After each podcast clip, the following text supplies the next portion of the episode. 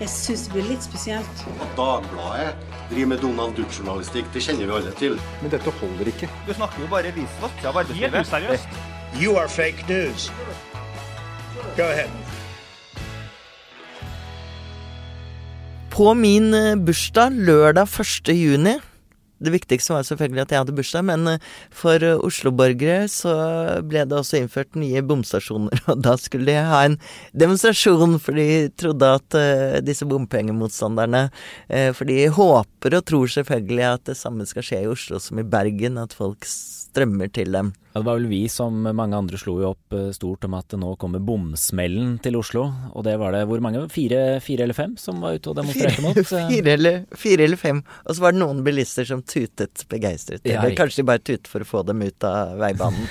Men det var jo kaldt, kaldt og vått i Oslo i helga, så det fikk noe av skylda. Og så mandag morgen så våknet vi opp til at um, En Dagbladet-nyhet, faktisk. Uh, Eh, hvor eh, en ikke så god nyhet eh, når det gjelder klimautslipp, at Norge øker klimagassutslippene, faktisk. Og Anders eh, Fjellberg, journalist, klima- og miljøjournalist er du rett og slett, her i Dagbladet. Det var du som eh, breika den historien, som det heter. Hva er årsaken?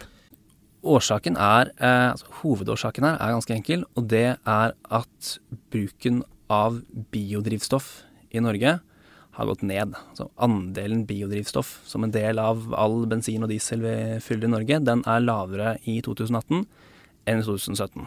Og det skyldes fordi eh, da vi skulle begynne å fylle tankene våre på biodrivstoff fordi det er mer klimavennlig, så førte det til at vi importerte en haug med palmeolje, og vi fikk den store bruduljen i fjor vår rundt, eh, rundt palmeolje på tanken. Og det ble egentlig noen politisk enighet. Eh, det var da egentlig ingen som ville ha den palmen der. Og så begynte man å sette i gang for å fase ut den. Det har nå skjedd, men så har vi da ikke klart å fylle opp med nok av andre typer biodrivstoff. Fordi det at vi ikke bruker palmeolje, det er bra? Det er bra eh, for eh, regnskogen. Eh, det er dumt å hogge ned regnskog og putte den på tanken. Og derfor må vi prøve å lage biodrivstoff på andre måter er i hvert fall rasjonale bak den nye politikken. Så vi bruker rett og slett mer fossilt drivstoff. Jeg, jeg trodde, og det er det sikkert mange som tror, at vi alle nå kjører elbil snart. Ja, du, ja, du bor jo borte på Kampen der, hvor det er eh, tett mellom Teslaene.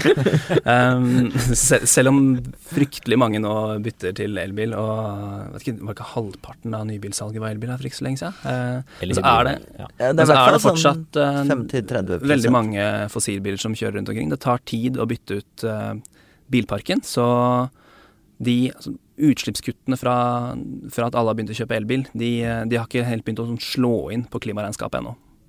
Ja. Jeg, jeg må tilstå for at jeg ikke skal virke for dum at jeg var litt klar over det. men, men, jeg må stille de naive spørsmålene når vi har eh, eksperter i studio. Eh, altså, for å begrense oppvarmingen til 1,5 grader, som er målet, da må mm. utslippene halveres innen 2030. Og en Og så må de til null i 2050. ja, riktig. Men det er en del uh, europeiske land som uh, jobber uh, i hvert fall tritt med det, er på vei mot sine mål. Men Norge sliter faktisk litt. Hvorfor får ikke Norge det til? Norge, og ta Tyskland som eksempel, da, har hatt ganske forskjellig utgangspunkt for klimakutt. I Tyskland så har de vært drevet av en masse digre kullkraftverk. Det er ganske enkelt å bytte ut en god del av de med fornybar energi, og da får du veldig store kutt i klimagassutslippene. Mens eh, her i Norge så har vi jo vært eh, drevet av fornybar kraft i, eh, i, alle år med all vannkraften vår, og har 98% fornybar strømforsyning. Så de kutta som er veldig enkle å gjøre i Tyskland, og, og andre, andre kulland rundt omkring, de er vriene for oss å gjøre. Vi, vi har ikke altså, Vi er på en måte allerede der en god del land prøver å nå. Men i tillegg så har vi da en stor petroleumssektor hvor utslippene har økt med nesten 80 siden, uh, siden 1990. Så det er en blanding av at vi har ikke de sånn, kall det enkle kuttene, og så har vi en næringsstruktur som gjør at vi også har høye utslipp andre, andre deler i samfunnet. Og sånn det blir jo den, den debatten Skal man altså, Skal vi drive og legge ned noe for å kutte klimagassutslipp? Og det er jo litt der klimadebatten har, har stått tidligere, i hvert fall. Men det er altså ikke bare en uh, på papiret at vi er ligger litt dårlig an. Vi, vi har kuttet lite. For lite. Vi har, kutt, vi har kutta for lite. Og hvis man ser på det sånn, i det store bildet, uh, hvor verden er på vei, Eh, så er det ingen tvil om at Norge har en, en stor jobb å gjøre. Det er, det er langt igjen til, å, til, at Norge skal kutte halvparten av sine utslipp eh, mm. fram mot 2030. Det, det, er jo også, vi har jo også delmål uh, som inngår i dette klimaforliket på ja. Stortinget. Og da skal uh, Målet er bl.a. at uh, allerede 2020, altså halvannet år til omtrent, skal vi kutte 30% fra 1990-nivået. Hvordan skal vi klare det ut, eh, når utslippene går opp? Da er vi inne på Inne på et tema hvor, hvor, hele verden blir veldig komplisert med en gang. Um, Jeg var redd for det. det 30 %-kuttet til 2020, det er Norge skal kutte tilsvarende 30 av Norges utslipp. Og det betyr at vi kan kutte utslipp andre steder enn i Norge. Um, bedriftene våre er med i EUs kvotesystem, og vi kjøper en del klimakvoter gjennom, uh, gjennom FN-systemet. Og sist da Ola Elvestuen var i Stortinget og svarte på det her før jul, så svarte han at det ligger vi fint an til å, til å klare. Den biten av det, i hvert fall. For jeg tenker I utgangspunktet høres det ganske smart ut. Det er, eh, det er veldig dyrt å kutte, kutte, utslipp i Norge. Hvis vi bruker de pengene mer effektivt og får mer kutt igjen andre steder i Europa eller i, rundt omkring i verden, så, så, må jo det være bra. Men det føles jo kanskje litt som at vi kjøper oss ut av problemet, da. At det er litt sånn vi ligger på latsida, andre må ta jobben, vi bare betaler. Utover, på, ut, utover den debatten om uh, når og hvordan Norge skal fase ut olja, så er det her den, den store norske klimadebatten som har vært i, i alle år. Um, hvor man har uh, Hele norsk klimapolitikk er veldig basert på, på kostnadseffektivitet. Um, Jens Stoltenberg var helt sentral i utvikling av det, hvor vi tenker at sånn vi må, uh, Norge er et lite land i verden, vi har masse penger, vi må bidra der pengene våre monner mest. Mm. Men uh, så har du den andre sida, som, eh, som, er at eh, Men hallo, eh, hele verden må i praksis slutte å slippe ut noe som helst om, om 30 år. Det er ikke noe vits i å liksom, vente med det i Norge bare fordi vi kan. Så la oss starte, liksom, starte den jobben nå. Ja, for det er absolutt alt, da. Da snakker vi om alle bygg vi ser rundt oss av betong må bygges på en annen eller klimavennlig måte. Alle bilene, alle ja, altså, kapasiteten for å fange inn CO2 fra atmosfæren eh, ser ut til å bli såpass liten, og det er så vanskelig at det, det man sier, er at egentlig alt vi holder på med som, eh, som, slipper ut noe som helst, må vi gjøre på en annen måte. Og så vil det selvfølgelig være en del utslipp vi ikke blir kvitt, og da må vi finne opp teknologi for å fange inn det.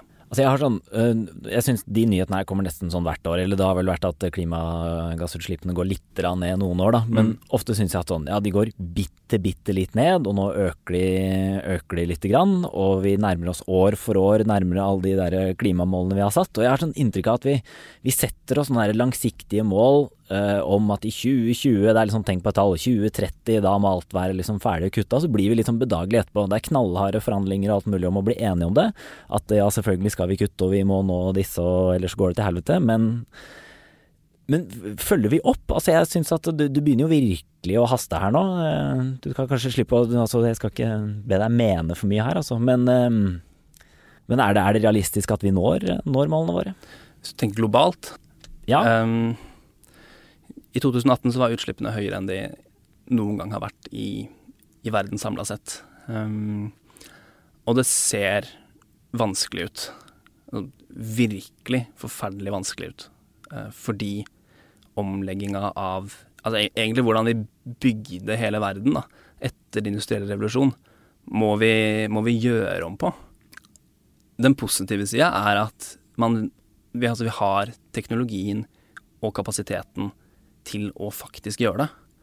Og så er spørsmålet om det er altså, politisk gjennomførbart å få til. Og der tenker jeg at de Altså, ungdomsopprøret, Greta Thunberg, på ryggen av først Halvangenradsrapporten og så den naturmangfoldsrapporten som kom, kom, nettopp, kan kanskje bidra til et altså, men jeg vet ikke, en slags økt, for, økt, forståelse av at sånn Altså, man har jo visst at det, det, det, går dårlig lenge, men at sånn OK, shit, nå gjelder det virkelig her, og at man kan kaste seg ordentlig rundt. Det er, det er et håp.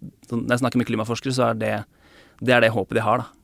Ja, og vi har jo vært litt optimistiske her i podden. Vi hadde jo en valgforsker som mente at nå at klimaet virkelig var blitt fått det brede gjennomslaget i politikken som, som vi ikke har sett uh, før. Vi har alltid håpet i mange, mange år at nå skal det bli klima- og miljøvalg, men det blir det sjelden. Og men nå virker det som om de er øh, Frykter disse politikerne selvfølgelig at de ser denne ungdomsopprøret. Dette er stemmer, dette er folk som går og stemmer ved valg. Så da begynner det å bli litt mer prekært for dem. Det er ikke bare 15-åringer Greta Thunberg, men det er også 18- og 19-åringer som, som, går til valgurnene. Uh, og vi har jo dette klimaforliket i Stortinget, men de ulike posisjonene og opposisjonen har selvfølgelig litt ulik uh, strategi for hvordan man, hvordan man, skal nå disse målene.